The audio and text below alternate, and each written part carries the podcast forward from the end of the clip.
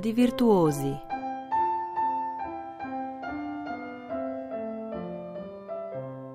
Iz majhnega raste veliko.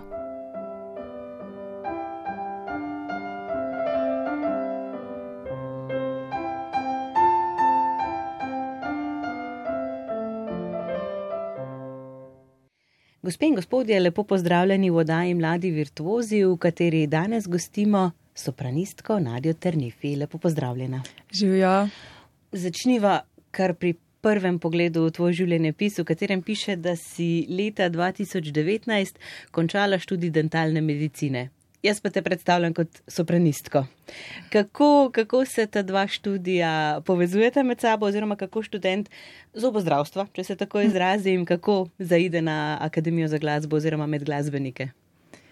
Um, ja, začelo se je tako, da sem se s petjem ukvarjala že dosti pre, preden sem se upisala na študij dentalne medicine.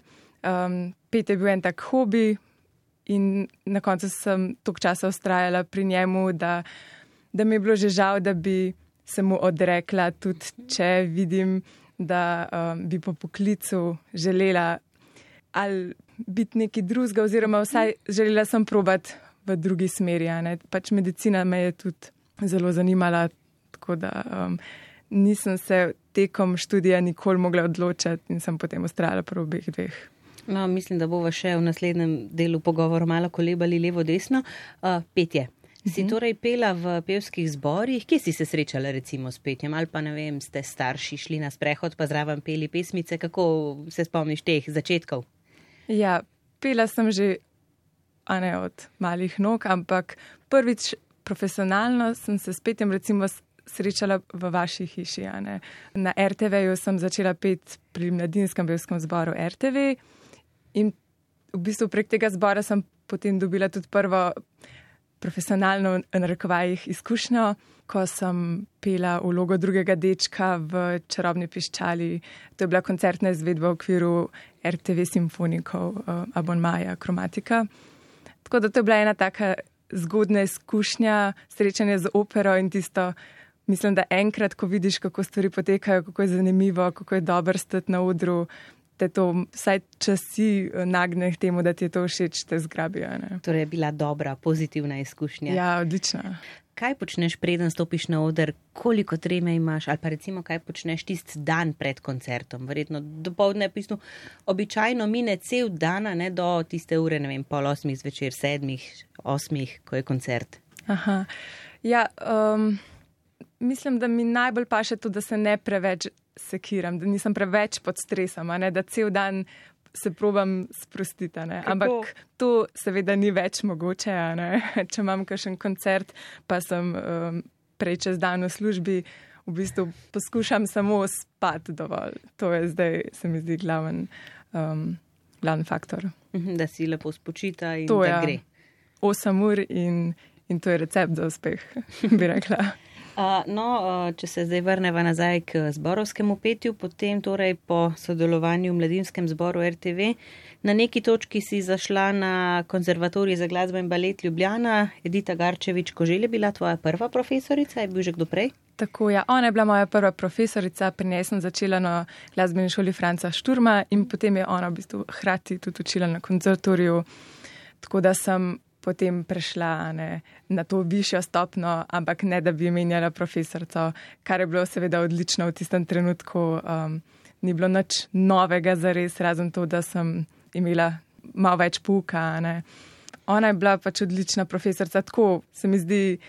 Veliko smo imeli projektov, um, kot mlad pevec, pač moraš vse poskusiti. Dovolila je, ne, da pojem kakšno težjo arijo, čeprav mogoče še ni bila tako primerna takrat za me, ampak za motivacijo, se mi zdi, pa je bilo to popolno. Torej, študij dentalne medicine je pa kako uletel v to zgodbo? Jaz sem torej. se že zadnji letnik na gimnaziji odločila, da hočem biti. Bit, da se vidim v medicini. Mhm. Takrat še, sicer še nisem prvo odločila za dentalno medicino, nekako sem pristala pol na tem študiju in um, sem ga vzljubila potem. V bistvu traja sicer šest, skoraj sedem let. Uh, proti koncu, ne, imamo že precej več prakse. In, in ta praksa, ta praktičen vidik mojega poklica mi je bil potem hitro mi je postal všeč. No, mogoče je zdaj čas, da malo prekineva najn pogovor z glasbo. Za začetek sva izbrali lista. Ja, zbrala sem en francoski samospev uh, France Lista o Conjador.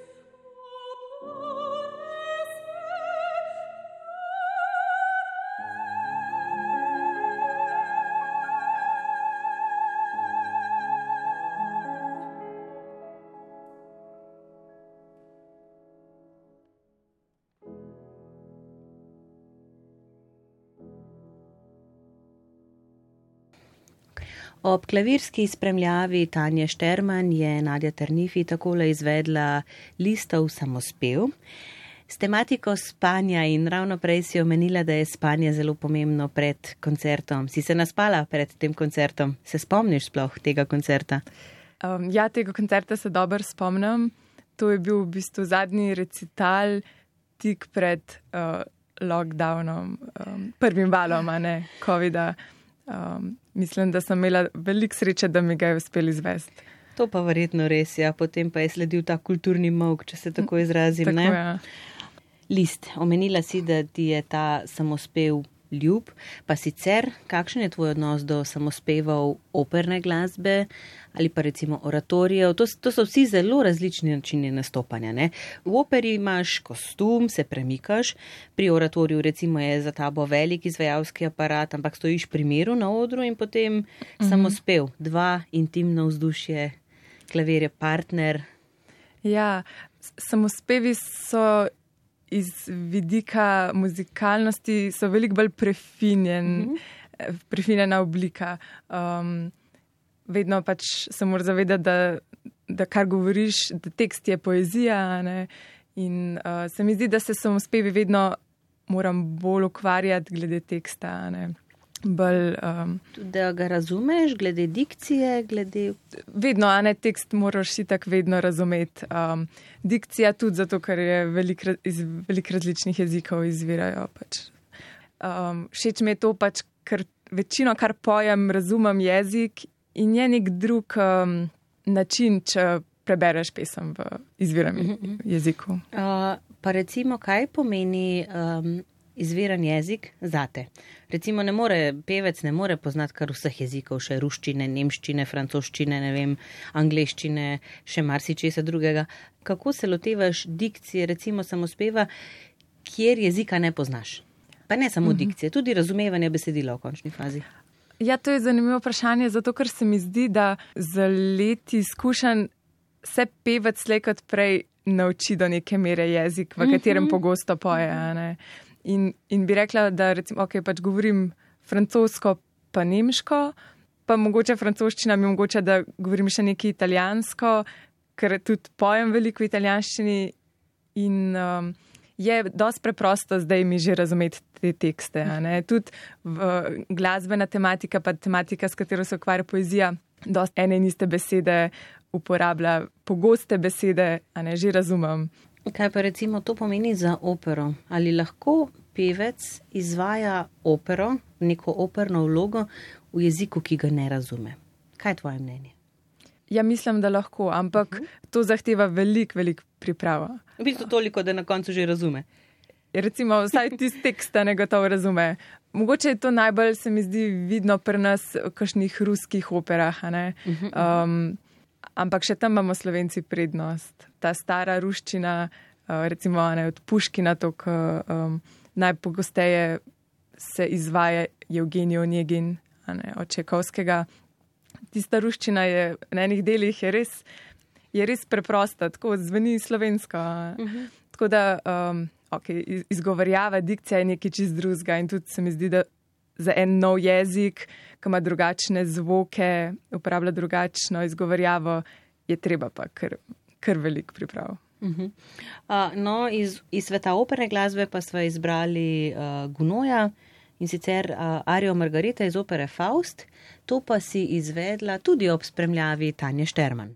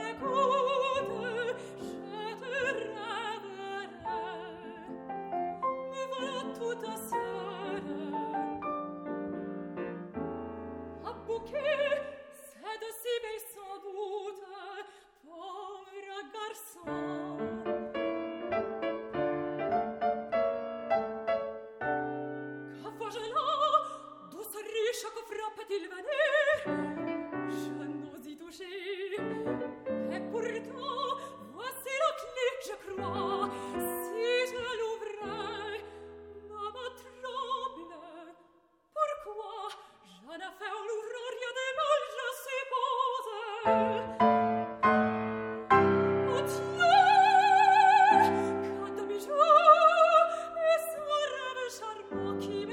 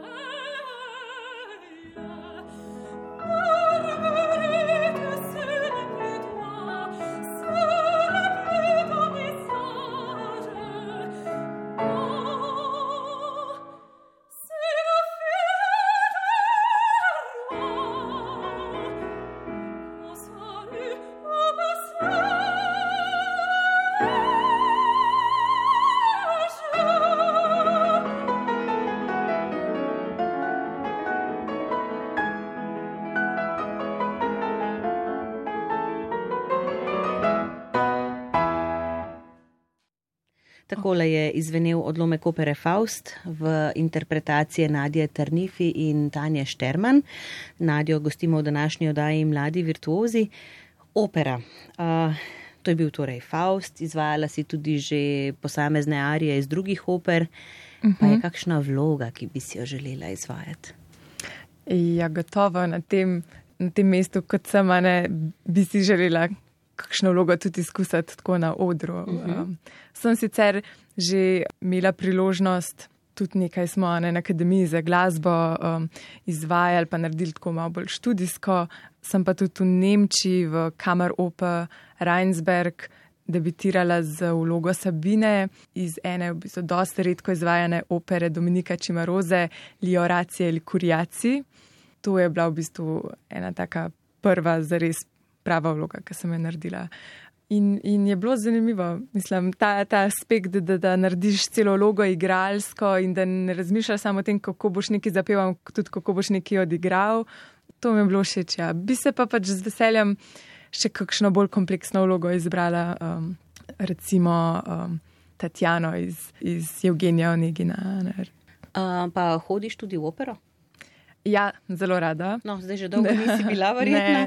Kaj pa si recimo na zadnje si ogledala oziroma poslušala? Na zadnje sem opero obiskala na Dunaju, ogledala sem si pa opero Lohengrin uh, od Wagnerja. In v bistvu prvič sem si jo gledala v živo, sem jo že poznala prej, ampak me je res, res zelo očarala. Uh, no, in tu si gledala pevce oziroma igravce na odru. Ne, kaj opaziš, kaj si opazila? Je, v tej izvedbi, to, kar sem gledala na zadnje, Lohengrin, je bil glavni pevec, tenor, Piotr Bečava, je bil sicer glih ravno prej bolana. Ne? In to mi je bilo zanimivo, zato ker smo potem v zadnjem trenutku zvedeli, da bo vse nastopil, ampak se je videlo, da je še, da ni mhm, še to, to da je bil še mal, rahlo je bil še vse prehlajen in sem prav videla, kako je pameten pevec. To sem opazila v bistvu, kako se v enih zadevah, ki si videl, da jih je zelo težko odpoje, jih se jih je na tak način lotil tako nežno, ampak zelo počasi in, in je v bistvu vse odpel. Tako nalahno začel najtežje fraze in potem šele razvil, tako da nikoli ni zares um, šel čez svoje meje. To mi je bilo zanimivo, pa mislim, da ne bi opazila, če ne bi bila sama pevka. Mhm, mhm trenutno si nekje na karjerni poti zobozdravnice uh -huh. in mhm. operne pevke. Ja, trenutno se mi zdi, da sem se kar umaknila malo v, uh, v svetu glasbe, uh mhm. -huh. ker je težko zdaj karkoli ja. um, planirati. Zaradi situacije, mislim. Ja, zaradi situacije. Uh mhm. -huh. Tako da trenutno nabiram izkušnje kot zobozdravnica in mi čisto ustreza, ne mi je tudi všeč, da, da še na tem področju malo raziskujem nabiram izkušnje. Um, seveda pa vse čas ne tudi treba vzdrževati tudi glas. Kakšne pa so tvoje želje za recimo čez deset let? Jaz se dolgoročno um, se vidim kot zobozdravnica, bi pa zelo rada še um, bila del kakšnih večjih glasbenih projektov. Še posebej se mi zdi, ne, ker je, kadar je to mogoče, recimo velik produkcij traja. Uh, Čas vadanja je 8 tednov, recimo pa potem še teden, dve predstav, ne. Mhm. ni tako dolg um, delovni čas, ne, da, da si ne bi mogla kdaj recimo privoščiti tega. Uh mhm, -huh. Mhm. No, ampak recimo kot pevka študija ti še nisi končala, si ga že? Trenutno še študiram. Pri Piji Brodnik? Ja, pri profesorci Piji Brodnik na akademiji in sem v prvem letniku magisterija. Uh -huh. Še vprašanje, recimo, kaj poslušaš? Oziroma, katera glasba zveni v tvoji ordinaciji? Ja, v moji ordinaciji se igra Val 202, to ni dileme. Sicer, če bi pa lahko sama, pa včasih mi je že uspelo, a ne sama naštimati glasbo, je pa to pač pol klasika. Ampak se mi zdi, da v enih momentih, če je preveč otožna, zna pacijente tudi mal um, še prestrašiti. No. Ni tako pomirjajoča, odvisno, kakšna glasba. Mogoče za, na, za, za ordinacijo bi bilo najboljši nek poskočen barok, se mi zdi najbolj tako um, spodbuden. Počasi bomo končali na en pogovor. Uh, sklenili bomo slovensko glasbo, pa seveda moramo vprašati, kakšen je tvoj odnos do slovenskih skladateljev. Ja, slovenske skladatelje v bistvu se mi zdi vedno znova odkrivam na novo, ne postopno, zato ker toliko posnetkov, se mi zdi, da moraš prav res brskati po notah, pa si kaj zaigrati, pa se česa novega lotati, ne? ker uh, je veliko slovenskih samospevov, ampak jih tudi veliko se jih ne izvaja zelo pogosto. Um, tako da zelo rada odkrivam nove slovenske samospeve, ta dva, ne sta pa od uh, Antona Lajovica. Uh -huh. uh, Lajovčeva poljub in kaj bi le gledal, ki si jih izvedla? Tudi ob spremljavi Tanje Šterman. Uh, s tema skladbama bomo zaključili oddajo, mogoče še kakšna misel za konec. Verjetno še ne veš, kdaj te bomo videli na odru spet. Ja, mislim, da doben ne ve, ampak upamo na najboljše.